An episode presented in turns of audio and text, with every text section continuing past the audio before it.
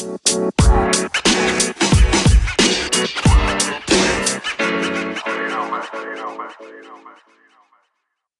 Planı Podcast'inin yeni bölümüne hoş geldiniz. Can hoş geldin. Hoş bulduk. Nasılsın, iyi misin? İyiyim senden. İyi ben olsun. Aynen devam ediyoruz. Ee, Perşembe günü bölümümüzle sizlerleyiz. Ee, bugün ne konuşacağız? Bugün e, March Madness'ta bildiğiniz üzere koğuş turnuvasında son dört takım belli oldu geçtiğimiz hafta sonu ve bu hafta sonunda e, Final Four oynanacak. Bunun üzerine konuşacağız. Haberlerimiz var. Ee, NBA'de sezon tüm hızıyla devam ediyor. Ee, benim cana bir sorum var. Onu da şu an ilk defa ya evet. haberi yayından önce vardı tabii ki ama sorunun ne olduğunu bilmiyor. Hazırlıksız yakalayacağım bir soru olacak. Çünkü hafta içi yaşanan bir olay var birkaç hafta, birkaç gün önce. Ondan bahsedeceğiz. Ee, sonra da e, kolej Final Four'unu biraz değerlendirip e, en sonunda da e, bitireceğiz. Yani başka bir şey yok gerisi. e, haberlerle başlayalım. Senin var mı eklemek istediğin herhangi bir şey? Yok, Bu arada beyzbol sezonu da başlıyor. Buradan evet. Astros'a başarılar dileyelim. Ve Chicago Cubs'a buradan başarılar dileyelim. Evet e, başlıyor. Bakalım inşallah e, şu hafta sonunda iyi geçirirse Houston şehri artık bir başarı hak ediyor diye düşünüyorum diyelim. Haberlere geçelim. Ee, geçen hafta yapılan 481 testte sadece bir pozitif vaka olduğu söyle vaka oldu açıklandı. O da Tristan Thompson hala galiba ee, şey değilmiş. Out yazıyor hala. Ya. Bayağıdır yok yani evet. ağır geçiriyor herhalde. Ee, bizim geçen hafta seçtiğimiz e, Darren Fox ve Terry Rozier. Terry Rozier'i seçmedik ama en iyi 5'te vardı. Haftanın oyuncuları seçildi Doğu'da ve Batı'da. E, draft tarihleri belli oldu. Draft'la ilgili bütün e, tarihler belli oldu. Tabii ki hemen bizim pazartesi günkü yayınımızdan hemen sonra. E, draft 29 Temmuz'da yapılacak. 22 Haziran'da draft, draft lottery'si yapılacak. Yani kimin kaçıncı sıradan seçeceği ki burada ben şöyle izliyor olacağım büyük ihtimal. Evet. Bir, bir numara gelmesi için. Ve e, draft combine yani draft antrenmanları da 21 ve 27 Haziran haftasında yani o aradaki o haftada e, yapılacak. E, tabii şimdi bu kadar geç olmasının sebebi lottery'nin ve draft'ın sezonun uzun olması. E, ondan e, sezon dışında bayağı olacak. Normalde çünkü evet. Mayıs'ta yapılırdı lottery. Draft'ta Haziran'da olurdu Haziran sonunda. Bir ay atmışlar hepsini. Güzel olmuş. Hatta Doğu ee, konferansı e, Doğu konferans finalinin ilk ya da ikinci maçından önce ESPN verirdi. Hatırla çünkü biz bir tanesini birlikte izlemiştik. Kyrie ve LeBron Toronto'ya ilk periyottan 20 fark yapmıştı. Evet. Şeyde e, bir tane benim doğum günümdeydi bir tanesi. 17 Mayıs'ta ha, evet, işte o maç o maç. Beraber izlediğimiz aynen. Ee, iki tane transfer haberi var. Daha doğrusu üç. Alice Johnson Nets'le imzalamıştı. İkinci 10 günde imzalamış. Ee, Demarcus Cousins Clippers'la bir 10 günlük kontrat imzaladı. E, zaten Los Angeles'taymış. Lakers'a döner diyorlardı. Ama o Clippers tercih etti. 10 günlük kontrat aldı. Artık 10 günü ne anlayacaklarsa Demarcus Cousins'ten böyle bir tercih yapmış. Bru e, şey Brooklyn diyordum. Herkes oraya gittiği için. E, Los Angeles Clippers sen bir şey söylemek ister misin bu konu hakkında? Yani, yani hani Ibaka ve Zubac e, rotasyonuna o da giriyor gibi gözüküyor. Ya Demarcus Cousins'in şimdi kontrat durumu sen 10 gün dedin mesela e, Woj 10 gün yazdı. Şem sezon sonu yazdı belli değil de. Yani bu sene Rakıs'ta da gördük çok ne kadar katkı verici önemli yani. Çok bir beklentisi yok herhalde kimsenin diye düşünüyorum ama belirli dakikalar işte 10-12 dakika sahada en azından basketbol anlamda bir şey yapabilecek bir uzun atmak mantıklı ama savunmada hiçbir şey vermeyeceği için yani playofflarda çok süre alacağını ben zannetmiyorum. Eğer sez tabii sezon sonuna kadar imzalarsa. Yani evet sen dediğin gibi 10 gün çıktı sezon sonuna kadar çıktı. Tam bir bilgi yok. Hatta şimdiki söyleyeceğimiz transferde de aslında geçen bölüm Austin Rivers'dan bahsetmiştik. Oklahoma serbest bırakmıştı. Milwaukee ile adı geçiyordu. Ama Jeff Teague de Milwaukee ile imzalayacak diye haber, haber var. Hani e, hangisi daha doğru? Hani biri mi, acaba Jeff Teague mi gidecek sadece yoksa ikisi birden mi gidecek? Yani bir anda Bucks'ta iki tane böyle bir guard alması tabii biraz e, soru işareti oluyor hani Drew Holiday'in arkasına. Hani DJ Augustin gitti evet. Ama çift guard birden almak sence e, hangisi daha Milwaukee'ye fit olur ya da ikisi birden olsa da sen buna da okey misin? Ya Vallahi, sen değil tabii hani Milwaukee okey olur mu onu sorayım yani. Bence Milwaukee Austin Rivers daha mantıklı olurdu ama yani Jeff Teague kesin diyorlar. Dün oynamadı yanlış hatırlamıyorsam Lakers maçında. Tekrardan bakayım da.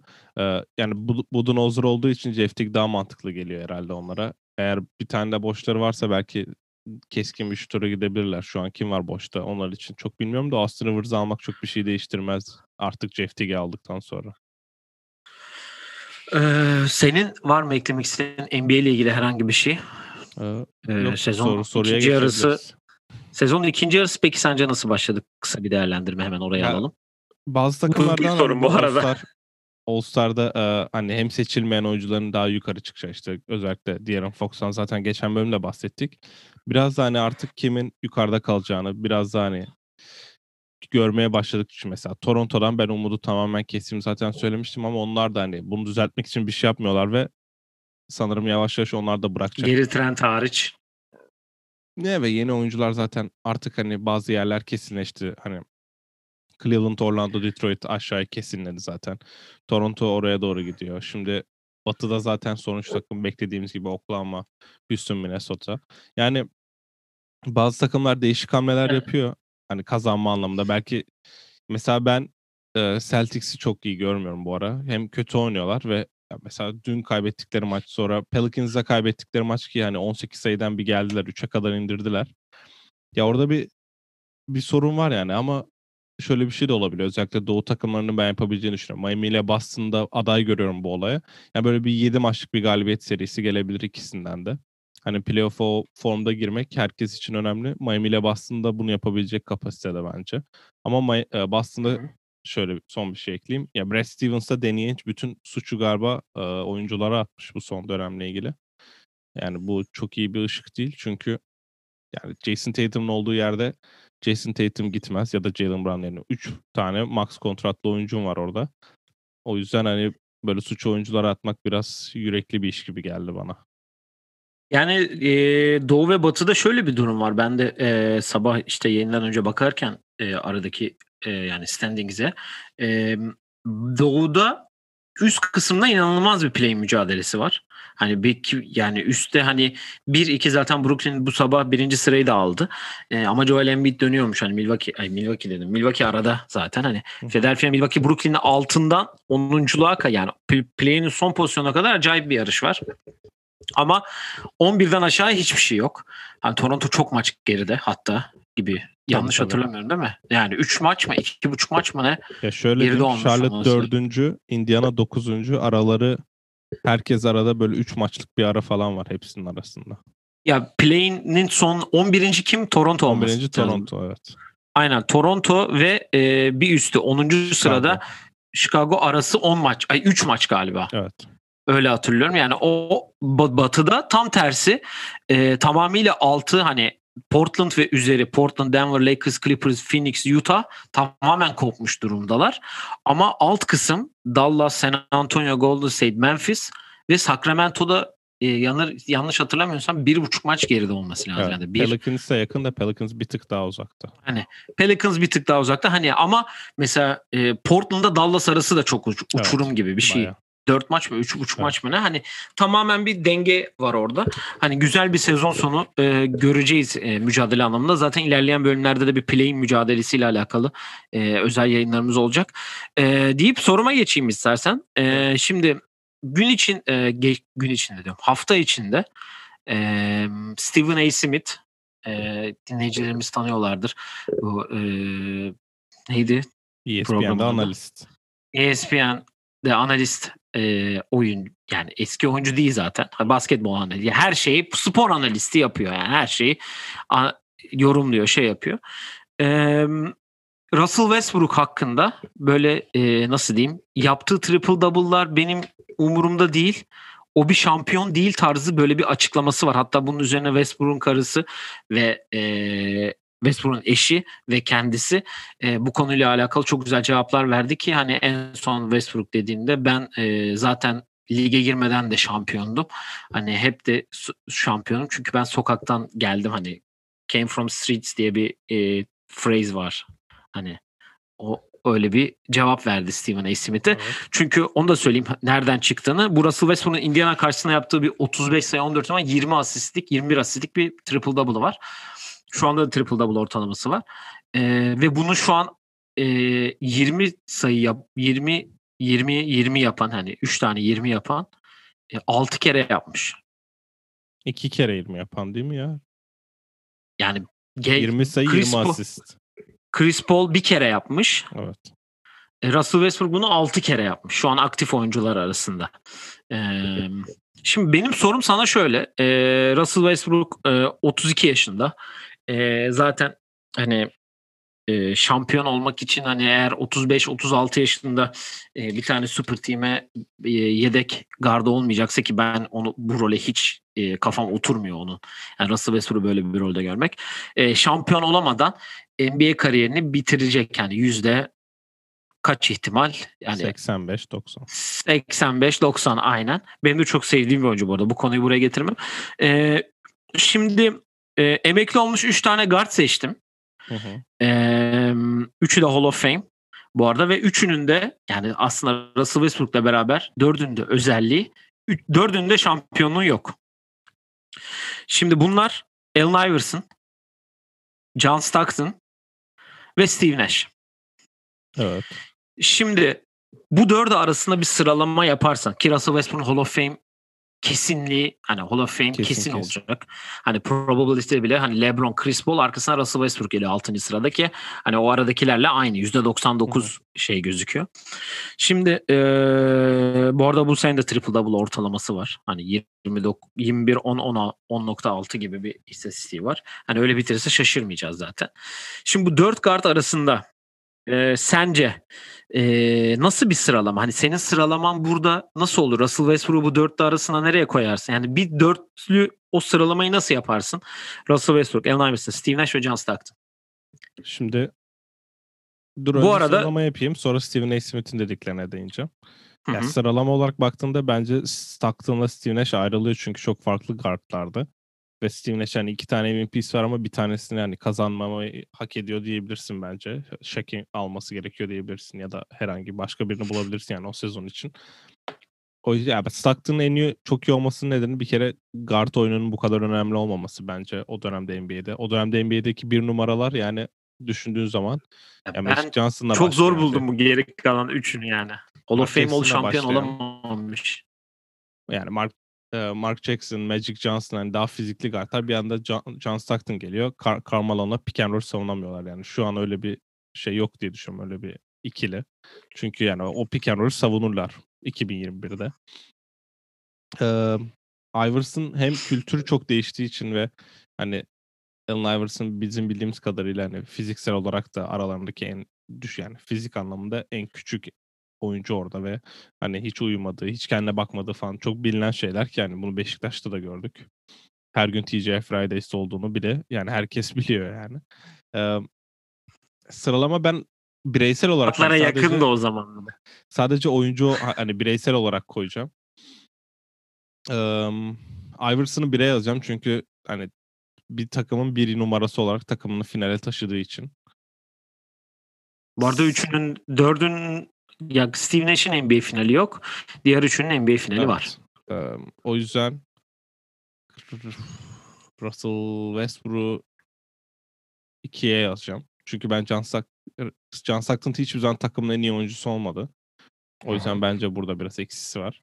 Ve Russell Westbrook'un rolü bu yani Derrick Rose'la birlikte guard pozisyonunu de- değiştiren oyunculardan bir tanesi bence. Yani şu an ligi ligin yani önümüzdeki en iyi guardlarını düşündüğün zaman işte John Morant'leri, şey Gilgis'ları işte başka kim var düşünüyorum.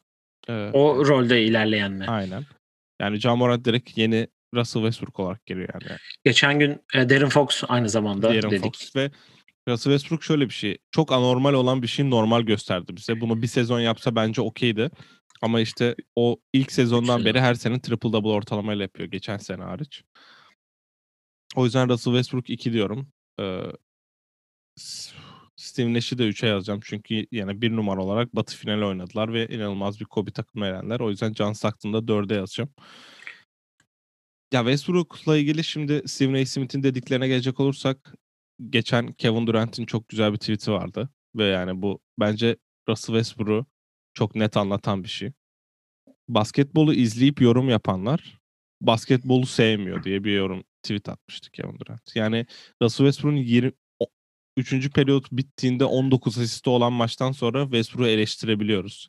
Bu aynısı Anthony Edwards'ın smacında da olmuştu. Adam sezonun en iyi smacını yaptı Utah Watanabe'nin üzerinden ve ama o maçta kaç 22'de 7 mi ne atmıştı. Öyle bir şey istatistik yani. O 7'de 0 üçlük attığı maçtı falan diye. Ya ki biz geçen bölümde de şey dedik. Takım ligin sonuncusu olacak. Anthony Edwards bu kadar iş yaptı. Yılın son yılın çayla olamayacak. Hani dedim ki biz de aynı şeyi yapmış ya, ya aslında biz, oluyoruz. Ya ben şöyle bir şey düşünüyorum. NBA medyasında bu çok var. Özellikle Amerika medyasında. Türkiye medyasında zaten NBA konuşan 10 kişi falan var. Hani official şey resmen. Tek kişi NBA olan.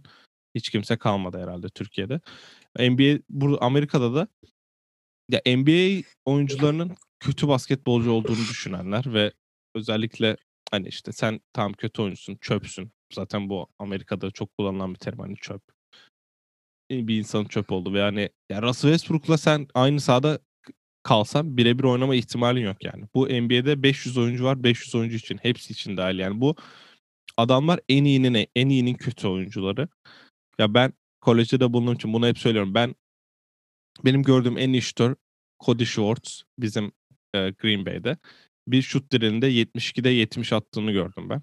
Bu adam Aha. bu ya sene ve bu bir kere atmadı yani buna. Her idman yani her iki idmanda bir şut dirili yapıldığında %90'a yakın şut atan, şut atan biri. Sadece şut özelliğinden bahsediyorum. Bu oyuncu geçen sene Avrupa'nın hiçbir liginde kontrat bulamadı mesela bu NBA oyuncularını düşün yani. O yani DeAndre Jordan'ın var pick-up'ta 11'de 10 foul, foul attı falan yani. Shaq de diyor zaten idmanda ben de kaçırmıyordum diye. Ya bunları eleştirmek çok kolay gözüküyor. Özellikle Steve Naismith gibi biri olunca da hani zaten ESPN'de her gün en çok izlenen programlardan birisin. Orada birini övmek yerine ya birini övse orada Steve Naismith evet ya Russell dün domine etti. Maçı kaybettiler ama 20 asist yaptı. Çok iyiydi dese hiç kimse izlemeyecek ya da Steve Naismith demeyecek. Onu biliyor ama böyle de biraz da e şimdi herkesin platformu olduğu Zaten için. Zaten oyuncularla e, yorumcular arasında gerginlik var bundan. Tabii. Önce de bahsetmiştik zaten hani bir şeyden dolayı. Yani, özellikle eski oyuncuların o da eleştiriyor. O yüzden hem gündeme oturuyor hem de adı geçiyor. Yani e, Westbrook'un eşi mesela Instagram'da onun da kendi platformu var. Instagram'da yazıyor. Westbrook'a da maçtan sonra sordukları için eşinin dediklerinin aynısını söylemiş neredeyse. Ya çok kolay şöyle bir durum. Artık öyle bir duruma geldik ki CCR'de takas oldu takasın perde arkasını kendi podcast'inde açıkladı. Yani bu kadar basit. Evet. Artık kendi platformu, kendi yönlerini anlatacak, kendi taraflarını anlatabilecekler. Sonuçta her olayın iki yüzü var. Oyuncular artık kendi yüzlerini de anlatabilecek platforma sahip. Ve bayağı ağır da konuşmuş yani. Evet, CC'ledik yani yani bana biraz şaşırtıcı geldi çünkü sonuçta ikinci yıl NBA oyuncusu değilsin sen. 12 kaç var 15 yıl mı kaç olduysa biliyorsun yani. NBA'de 50 oyuncu takas olduysa 48 zaten istemediği yere takas oluyor. O yüzden CC istediği yere gidememesi ve bir anda hadi ya beni de Brooklyn'e yollayın demek kolay ama o kadar paraya bir anda seni hem istediğin yere gönderelim hem sen yüz kal. David Griffin yani çok güzel bir hikayesi var NBA'de böyle kapatabiliriz. Baron Davis e, geçen Twitter'da anlattı. E, Baron Davis Cleveland'dayken diyor ki tam benim buyout yapın. Ben hani bari gideyim başka bir yerde oynayayım diyor. O da diyor ki ben seni buyout yapmayacağım çünkü biliyorum sen gidip LeBron'la oynayacaksın. LeBron'da şampiyon yapacaksın diyor. Bu ilk Miami senesi olması lazım. Benim Davis'e David Griffin'e demiş ki ben gitmesem LeBron yine şampiyon olacak zaten. Benim sayemde şampiyon olacak diye bir şey yok yani. Bırakın ben gidip oynayayım demiş. David Griffin de bırakmamış. Benim Davis'e bunu anlatmıştı. Yani NBA böyle bir yer. J.J. Redick'in bunu bilmemesi beni şaşırttı o yüzden. Ee, yani listene saygı duyuyorum tabii ki de. Hani bu soruyla gelmemin sebebi sonuçta dediğim gibi dördünün de şampiyonluğu yok ve dördü de neredeyse aynı derecede e, bir hani bireysel başarısı olan insanlar. Küçük 2-3 e, sorun var sana bakalım bilebilecek misin diye dörtlü arasında. Bu dörtlünün hemen 2-3 tane sorun var. E, dördü arasında All-Star MVP'si olmayan bir kişi var. Onu bilirsin kolay bu. Bir tanesi olmamış. John Stockton mı? Hayır. Steve Nash o zaman. John, John Stockton 92-93 All-Star MVP'si olmuş. Ee, en fazla All-NBA olan kim? All-NBA en fazla Ivers yok. O da John Stockton'dır ya. Evet. Aynen. Ee, yani şu bakıyorum e, Başarı olarak yani topladığında enteres- en başarısız büyük ihtimalle hani kağıt üstünde Iverson duruyordur. Steve- ama iki MVP'si var onun. 2 MVP, 8 All-Star, 5 kere asist şampiyonu, 7 kere All-NBA olmuş. Iverson'ın Ee, bir tane yani şöyle bir şey diyeceğim. MVP'si var. Iverson 4 kere e, sayı kralı, 3 kere top çalma kralı, 7 kere All-NBA, 96-97 çaylak takımı, 2 kere All-Star MVP'si, bir kere 2000, MVP, bir de 2001. Rookie of the Year. 2000'i aynen 2000-2001 Bir All-Star'ı var bir de. E, John Stockton'la Steve Nash'in yani John Stockton 1500 maç oynamış bu arada hani o da 13 sayı 10.5 asist kariyer Allen ortalamasıyla bir de bitirmiş. 2004 e, Yunanistan Olimpiyat rezaleti de var. John? Stockton da zaten Dream Team'de Aynen. yani. Hani öyle de bir durum var. Hani ama Russell Westbrook'un da olimpiyatı var galiba. Dünya Tabii, tabii, şampiyonası var 2012'si 2010'da var. var. 2012'si var. 2010'da 10-12. dünya şampiyonluğu var. Hatta 10-12-15. 15'te de olması lazım Westbrook sanki. Yok yok 15'te. 15'te yok yok. Ee, son olarak e, John Stockton 10 kere All-Star 9 kere asist kralı olmuş. Bu çok iyi bir rakam. 2 kere top çalma kralı, 11 kere All-NBA, 5 kere de All-Defense Team'e seçilmiş. Yani Russell Westbrook kariyeri devam ediyor daha 12. senesinde. 9 All-Star, 2 kere sayı kralı, 2 kere asist kralı, 9 kere All-NBA. O da rookie takımına seçilmiş. 2 All-Star MVP'si bir de tabii ki normal MVP'liği var sezon MVP'si. Yani e, bu konunun üstüne aslında bunu sormak istedim sana çünkü hani Russell Westbrook'u sen de çok eleştiren biri e, olduğun zamanında ki hala eleştirdiğin dönem şeyler oluyor. Onun için bir şey yapayım dedim. Bu arada KD ile Michael Rappaport'un da bir e, şeyleri çıktı ortaya. Hani evet Durant özür e, dilemiş. Durant ağır e, Instagram DM'den çok ağır şeyler yazıp Evet. yollamış ama sonra özür dilemiş. İsteyenler bakabilir. Şu an burada söyleyemiyorum çünkü ben. Evet. Diyelim e, ve NCAA'ya geçelim. Muhteşem bir geçiş. Bir breaking news ama ya bence çok breaking değil ama e, beklenen oldu. Texas Tech'in koçu Chris Beard Texas'la anlaşmış. Çok çok iyi hareket. Özellikle North Carolina'da Roy Williams de emekli oldu bugün. Şimdi görüyorum ve artırıyorum deyip onu söyleyecektim NCAA'ya Yani- geçince. İnanılmaz bir haber bu arada Texas için. Texas şaka Smart e, Texas'tan ayrılıp e, markete gelmişti. Hı hı. Ve daha önce VCU'dayken de zaten marketle görüşüp anlaşamamıştı. Şimdi bu sene anlaştılar. Texas boşladı ve Chris Beard Texas Tech'i e, iki sene önce yani son oynanan NCAA turnuvasında Virginia'ya karşı finale çıkarmıştı Texas Tech'i. Evet. Muhteşem bir hamle bence. Özellikle UNC'de yani North Carolina'da boşa çıkmışken Chris Beard'ı kapamak çok iyi hamle oldu. O yüzden tek, Peki Texas sence North mutluyum yani. Carolina'daki bir sonraki adım kim olur? Tabii daha şu an çok taze yaklaşık bir ya bizim hemen yayına başlamadan önce geldi Evet. e, Roy Williams'ın e, emekliliği. 3 şampiyonluk 903 galibiyetle 33 sene hem Kansas hem UNC çalıştırmış bu arada. Kansas detayını biliyor muydum bilmiyorum ama ben de sonradan Çünkü gördüm. Dean Smith arıyor diyor ki Dean Smith'in asistanıydı North Carolina'da. Sonra Kansas'a gidiyor head coach olarak. Dean Smith ayrılınca da diyor ki sen evine dön artık diyor ve Dean Smith sayesinde North Carolina'ya geri geliyor. 3 tane şampiyonluk dediğin gibi. Ee, 5-9 10 13 müydü? Yok. On- 5-9 17. 17 pardon. Ee, 17 maçını ya çok hatırlanan bir maç değil ama onların kaybettiği maç çok hatırlanıyor çünkü Marcus Page'in Bir önceki sene. Aynen. Bir önceki sene 2016'da Villanova'ya önce Marcus Page'in üçlü üstüne yedikleri son saniye o takım intikam yoluna çıkıp 17'de finalde Gonzaga'yı yendiler. Ondan beri bu arada Gonzaga'nın da ikinci Final Four'u bu da. Yani Gonzaga da öyle her Evet. sene Spoiler'ı da verdiğin için teşekkür ederim. Ama her sene bir numarayı alıyor. En ilk evet. üçte her sene var ama her sene bir hayal kırıklığı. Adam Morrison'lardan nerelere Tabii, kadar geldiğini sen Zaten çok iyi biliyorsun. UCLA ile eşleştiler. Yani Adam Morris'in anıları canlanmıştır direkt. Ya Roy Williams'ın yerine kim gelir?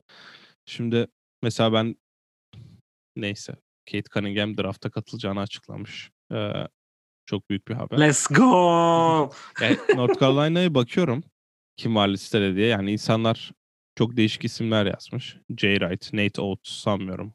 Alabama ya da Villanova'nın bir anda koçlarıyla ayrılacağını. Bir kere ben zaten büyük bir isim bekliyorum çünkü bu North Carolina yani. Duke'tan da Coach K'de ayrılınca inanılmaz. Yani ben bir kere Duke'tan Coach K'den sonra böyle inanılmaz bir NBA kişisi geleceğini falan düşünüyorum da. Ya şimdi NBA Roy- koçu. Evet. Mesela Brad Stevens olabilir o. Brad Stevens Indiana'ya gitmiyor. Yani Mike Woods'un da bence kötü bir tercih değil bu arada onu da söyleyeyim. Ee, şey adına, Indiana adına. ki zaten konuşmuştuk. Yani North Carolina şimdi burada bence iki tercih var. Sence hangisini yaparlar? Onu sorayım sana. Ya büyük bir koç ya kolej ya NBA'de başarılı olmuş büyük bir koç olabilir. Ya da e, Stone'u yükseltmiş ve yükselişte olan genç bir koçu olabilirler. Sence hangisini yaparlar? Brad Stevens gider mi peki North Yok. Carolina'ya? Indiana'ya Duke'a gittim diyorsun de. olabilir diye. Tam da Duke çok farklı bir yer. Yani. Ama şimdi mesela atıyorum e, Plain oynadı Boston. Anladın? mı? Playoff'a kalan Plain oynadı. İkinci turda elendi. Bir fatura kesilecek. Bu arada Brad Stevens'a emekli, da gelmeye başladı. emekli evet. olma e, bana timing biraz değişik geldi. Onu da söyleyeyim çünkü e, 1 Nisan diye mi? yok da UNC ilk turda aynen ilk turda Wisconsin'e kaybetti. İki hafta oldu yani. Wisconsin'e Oysa- elendi. Yani bir arkasından gelecek kişi biraz bellidir gibi geliyor bana da. Ya da son turnuvan olsun bu demiş de olabilir. E, oyuncularıyla mesela öyle konuşmuş da olabilir. Tam da o zaman Çünkü işte Ro- elendikten iki gün sonra açıklarlardı bence.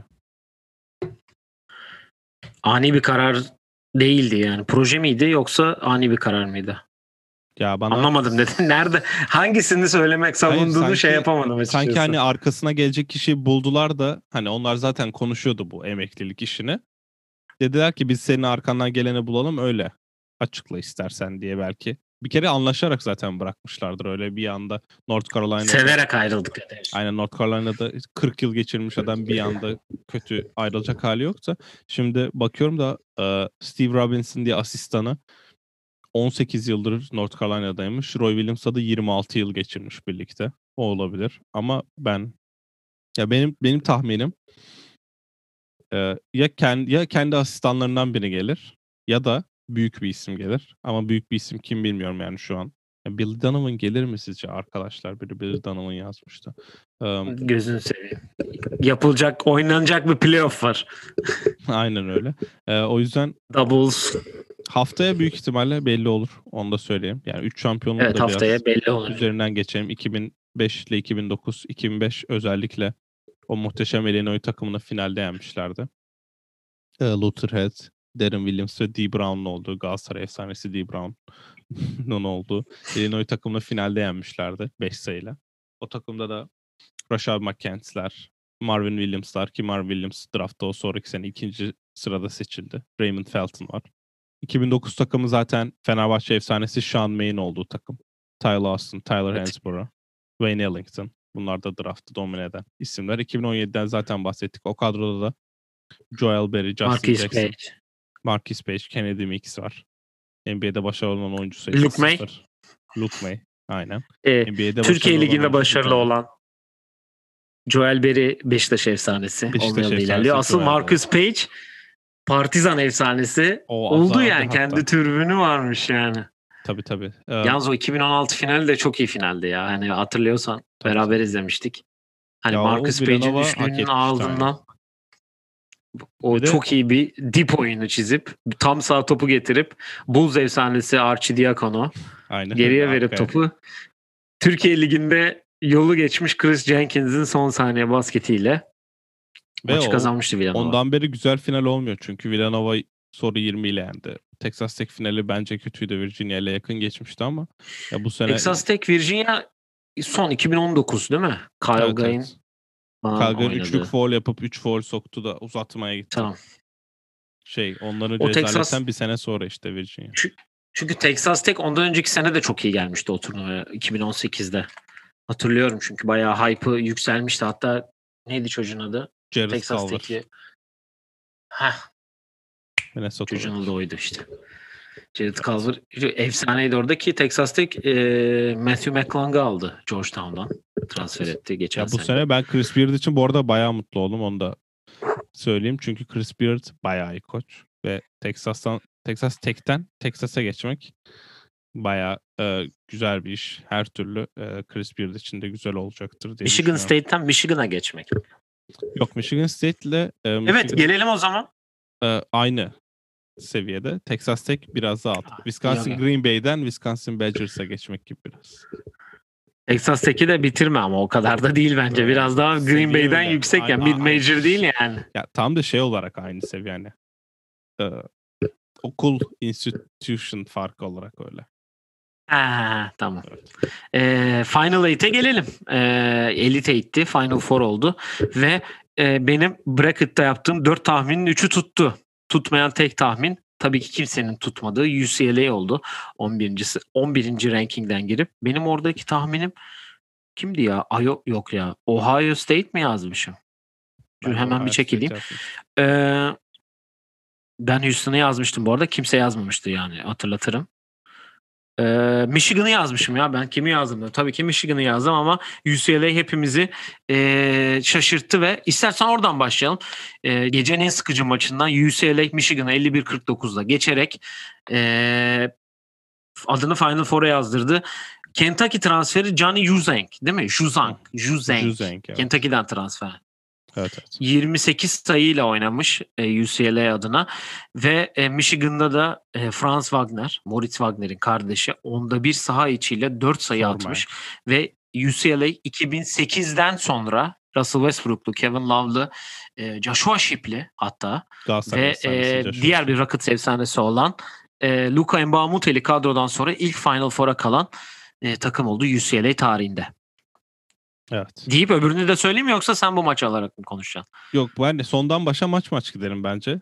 Zaten Ya o zaman ha, e, tamam y- o zaman yani öyle. Salı günleri Salı gününün son maçıydı. Bu Michigan dediğin gibi.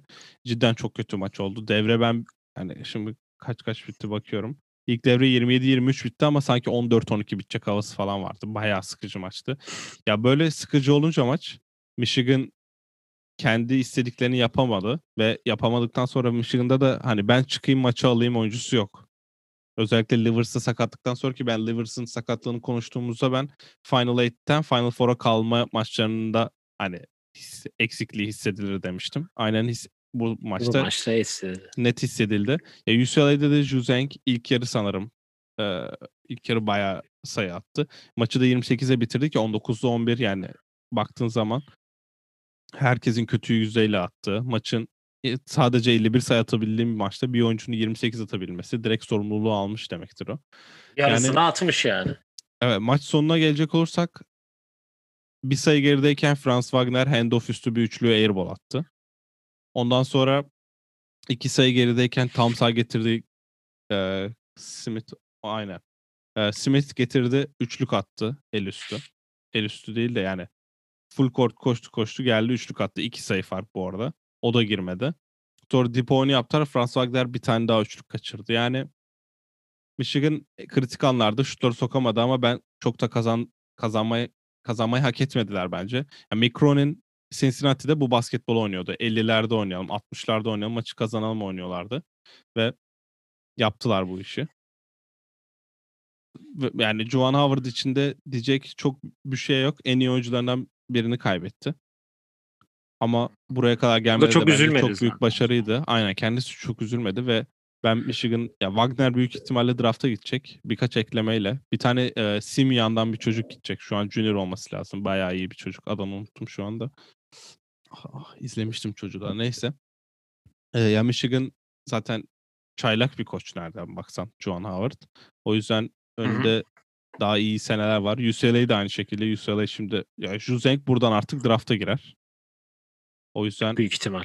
hem sophomore hem de hani bu bu eee, etapta böyle oynadıktan sonra kendine NBA'ye atarsın en azından bir türlü. Ya UCLA sıktı ama ha- hak ettikleri bir maçı kazandılar ve Gonzaga ile eşleştiler. O maça da geleyim istersen. Evet. E, bu arada Michigan kaybetme sebebi Jalen Rose'un kenarda olması kesinlikle. Hani Joan. Howard'la biliyorsun Fab Five. e, Gonzaga USC maçına gelelim.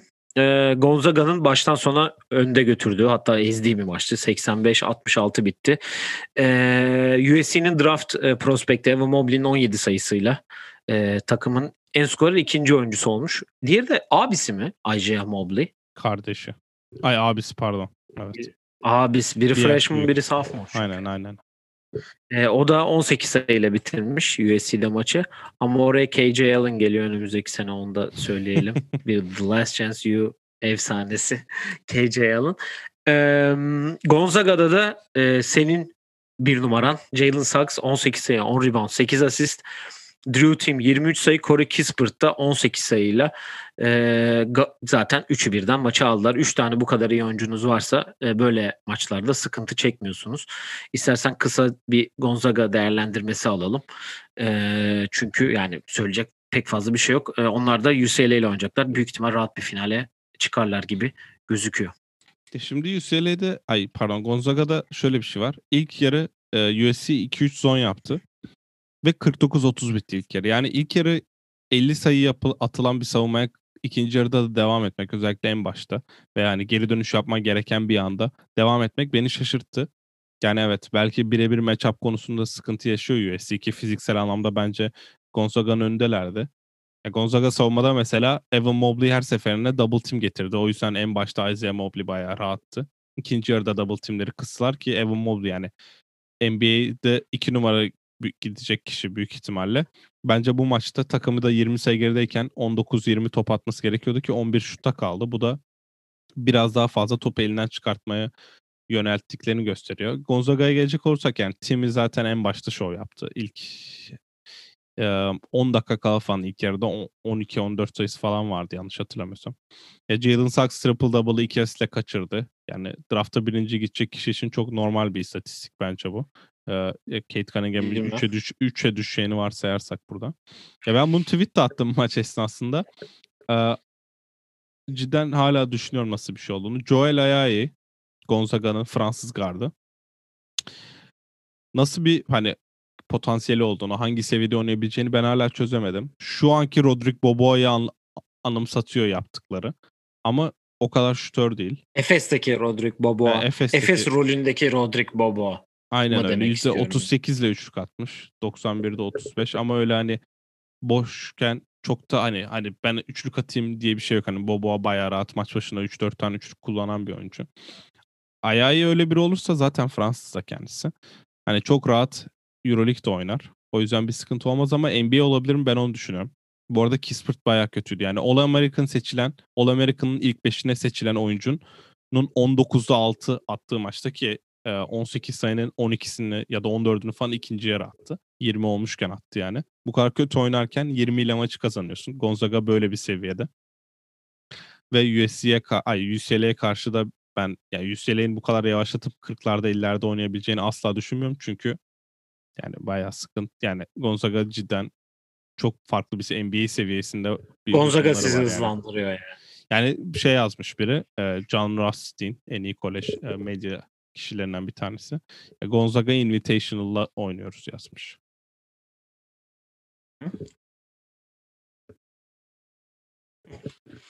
Evet yani dediğin gibi e, Gonzaga'nın seviyesi çok farklı yerde ve hani 3 tane iyi oyuncusu ki Corey Kispert çok redeki belki de USC'nin comeback'ini biraz olsun durduran onun 14 sayısı da var bunun şeyde ki Tim zaten attı ilk devrede.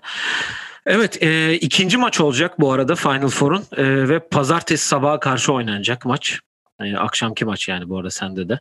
E, Gonzaga ve e, UCLA e, kolej finaline çıkmaya oynayacaklar.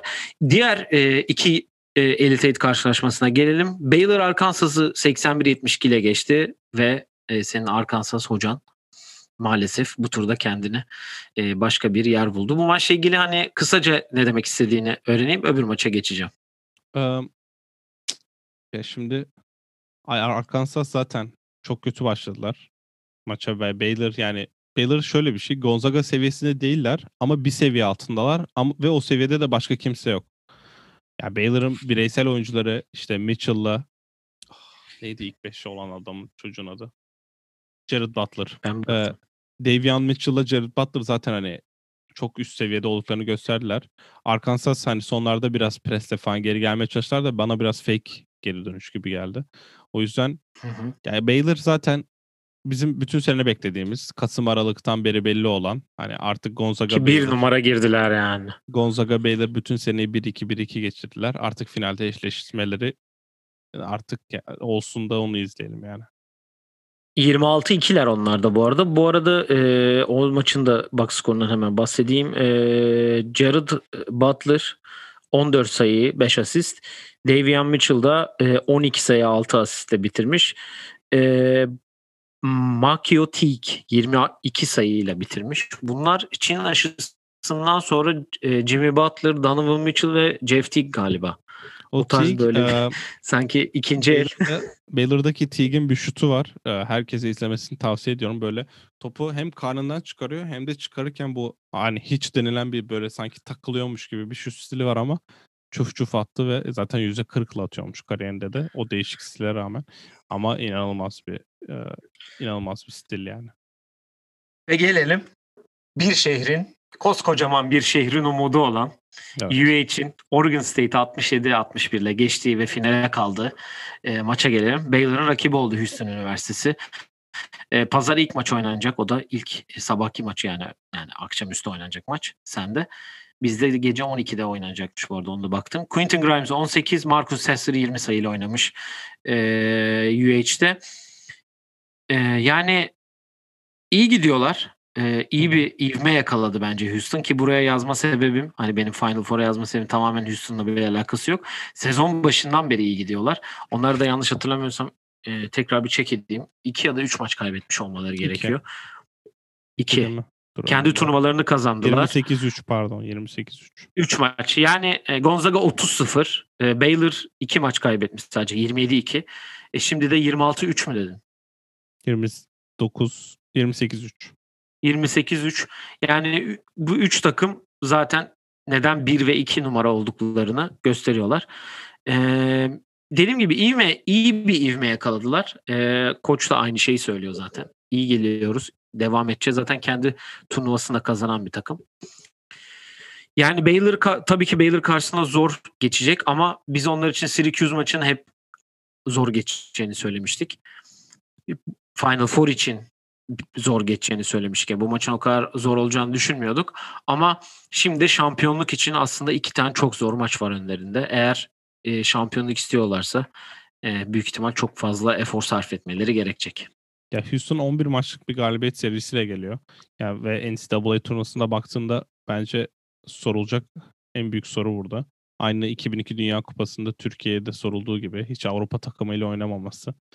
Ve burada da Houston'a sorulacak soru hiç e, tek haneli bir takımla eşleşmemeleri. Bu tabii ki Houston'ın suçu değil.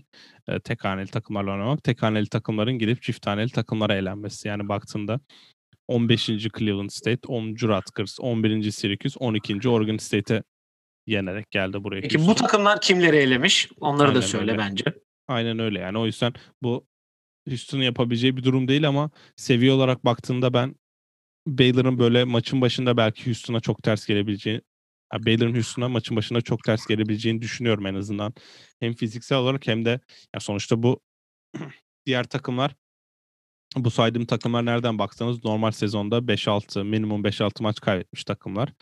Yani Baylor bu sene 2 maç kaybetti ve bayağı formda geliyorlar. Yani Oregon State maçını şöyle yorumlayacağım. Oregon State 1-3-1'de oturdu ve Houston inanılmaz 19 hücum reboundları vardı bir ara. Yani orayı domine ettiler. Ama işte Baylor'da öyle bir şey olabileceğini çok zannetmiyorum. Hem fiziksel anlamda hem de ya Baylor çok adam adam oynamayı da seviyor. Yani burada biraz işte babaların artık sorumluluk alması gerekiyor. O yüzden Grimes'tan ben bayağı beklentim var. Ee, Sesser de aynı şekilde. Sesser aynı şekilde. Bir de Jaro, Jaru nasıl Jaru diye okunuyor sanırım yanlış hatırlamıyorsam. Ee, şöyle şimdi burada seviye artık o kadar yükseldi ki bu NBA finallerinin genelde ya da bazı hatta çoğu NBA playoff'ların serilerinin 7. maçlarında olur hani. Maça çıkılır ve tempo yavaş olur. Bek açık şutlar, boş şutlar girmez, turnikeler kaçar. Hani biraz da stres seviyesi de yüksek olduğu için biraz dar bir maç geçiyor genelde. Ben Houston Baylor maçının Gonzaga USC maçına göre biraz daha sıkıntılı geçeceğini düşünüyorum en azından. Hani basketbol anlamda bize güzel şeyler izleteceğini çok zannetmiyorum. Ama Houston ne kadar Hı-hı. maçı çirkinleştirirse bence kazanma ihtimali daha fazla. Çünkü çünkü buraya kadar geldikleri maçlara bakıyorum. Hani Cleveland State'i 30'la yendiler de Rutgers'ı 3 sayıyla yendiler ki orada Rutgers elindeki maçı direkt hediye etti yani. Orada bir 8 ya da 9-0'lık bir seriyle kazandı Houston. Sonra Syracuse maçı ilk yarıda şutlar girmedi. inanılmaz çirkin bir maçtı. Orada da 62-46. Oregon State'de 67-61 yani burada 63, 62, 67 sayı attılar kazandıkları maçlarda. Arkansas maçı mesela Baylor 81 attı. Villanova maçı kriz oldu. Villanova geri geldi 62-51 bitti mesela. Yani ben Houston'un bayağı krize sokması gerektiğini ve krize girerse kazanma ihtimallerinin daha yüksek olduğunu düşünüyorum ama çok gitgelli bir maç olursa zaten Baylor'a yetişebilecekleri bir yetenek de yok bence. Evet, e, yani inşallah tabii ki finalde oynaması bizim için yani benim kendi adıma söyleyebileceğim çok güzel olur. E, bir Gonzaga Houston finali izlemek isterim açıkçası. Dediğim gibi pazar günü iki maçı da arka arkaya e, izleyebilirsiniz. E, çok kısa baya, e, kadın turnuvasından da bahsetmek istiyorum aslında. Bahsetmek istediğim iki konu var.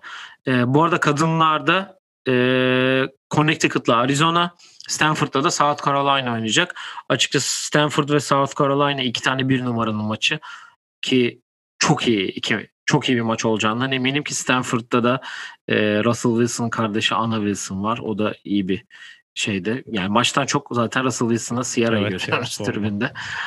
O onu söyleyebilirim. South Carolina zaten Dawn Staley'nin Dawn Staley'di değil mi? Evet, Kadın evet, adı yanlış söylemiyorum.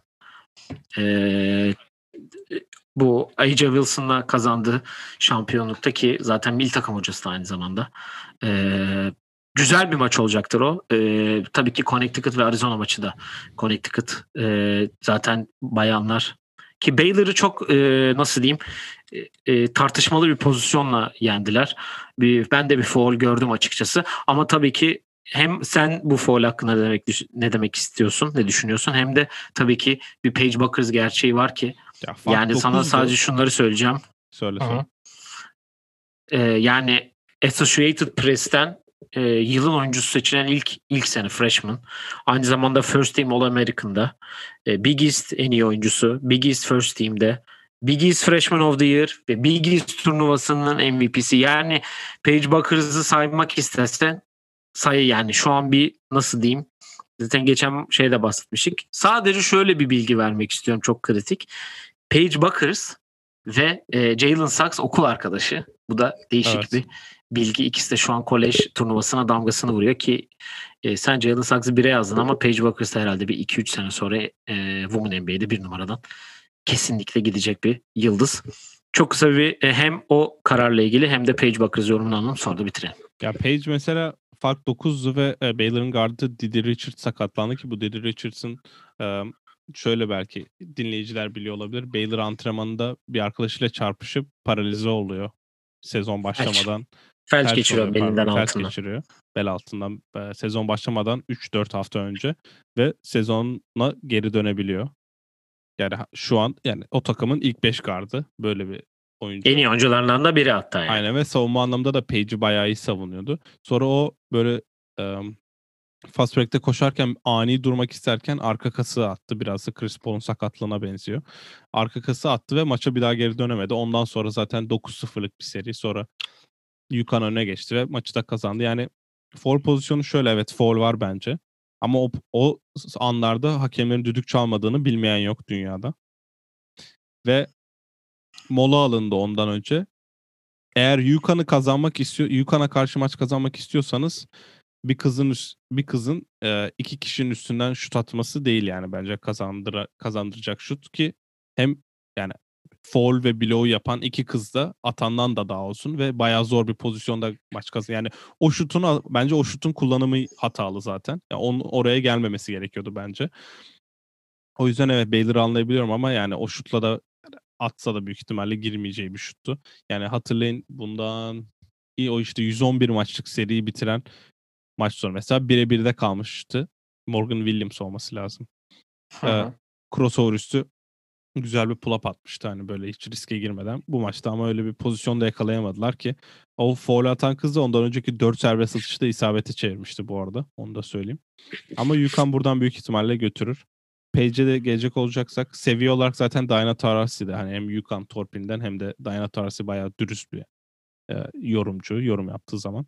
Ya şu an kolejin en iyi oyuncusu diyor dedi onun için. Hem pas anlamında hem de takım arkadaşlarını atma anlamında.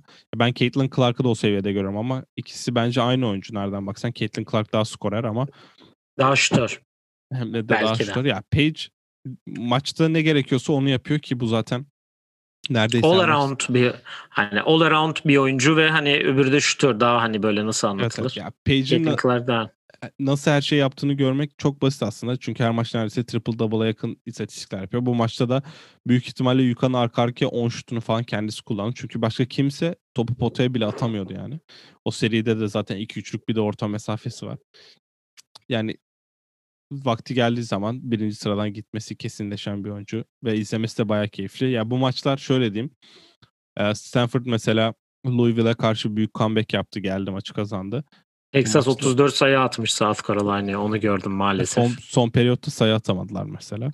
Ee, yarın oynanıyor maçlar ve ben bayağı keyifli olacağını düşünüyorum. O yüzden heyecanlıyım yani. Final tahminin e, South Carolina mı gelir? E, Stanford mı? Ya South Carolina UConn demek çok basit.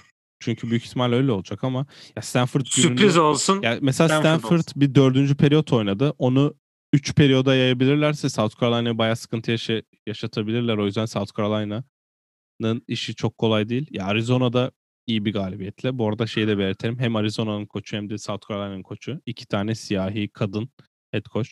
Ve ta- finale kalan 4 takımın 3'ünün koçu. 3'ünün head coach'u kadın. Bayağı önemli. Onu da belirtmiş Çok olacağım. güzel bir detay. Erkekler için final Gonzaga Baylor mı diyorsun? Gonzaga Baylor evet. Ben Gonzaga Houston diyorum tabii ki de. Ve var mı eklemek istediğin herhangi bir şey? Ee, son şöyle diyeyim. Paige Buckers'ın e, kolej tarihine damga vurması için Brianna Stewart gibi 4 e, şampiyonlu olup dördünün de turnuva MVP seçilmesi gerekiyor bence. Onu da belirteyim. Brianna Stewart kadar olur mu sence peki? Bir Brianna Stewart daha olabilir mi? Yok ya. ya dört kere şampiyon olmak çok zor bence artık. Dört sene arka arkaya. Gerçi belli olmaz da. Evet. Ee, o zaman bitirelim. Evet. Araya sokacak bir şey bulamadım çünkü onda bir şey getireyim hani var mı söyleyeceğim bir şey falan diye düşündüm. Dediğim gibi e, kadınlar bu akşam oynanıyor değil mi? Bu akşam yarın akşam dedin. Yarın. Yarın akşam oynanıyor erkekler hafta sonu. Güzel bir hafta sonu bizi bekliyor. Kolej basketbol anlamında. NBA zaten tüm hızıyla devam ediyor bildiğiniz gibi. Sakatlar yavaş yavaş dönüyor. E, ligin ikinci yarısı dediğimiz gibi çok heyecanlı olacak. Ve e, biz de salı günü sizlerle tekrar buluşacağız Panorama'da. Evet Oyun Planı Pod Twitter, Instagram, Facebook, YouTube, Spotify her yerden bizleri takip edebilirsiniz. Sorularınız varsa yollayabilirsiniz. Biz sizler için buradayız efendim. Ee, dinlediğiniz için de destekleriniz için çok teşekkür ederiz diyelim tekrardan ve hoşçakalın. Hoşçakalın.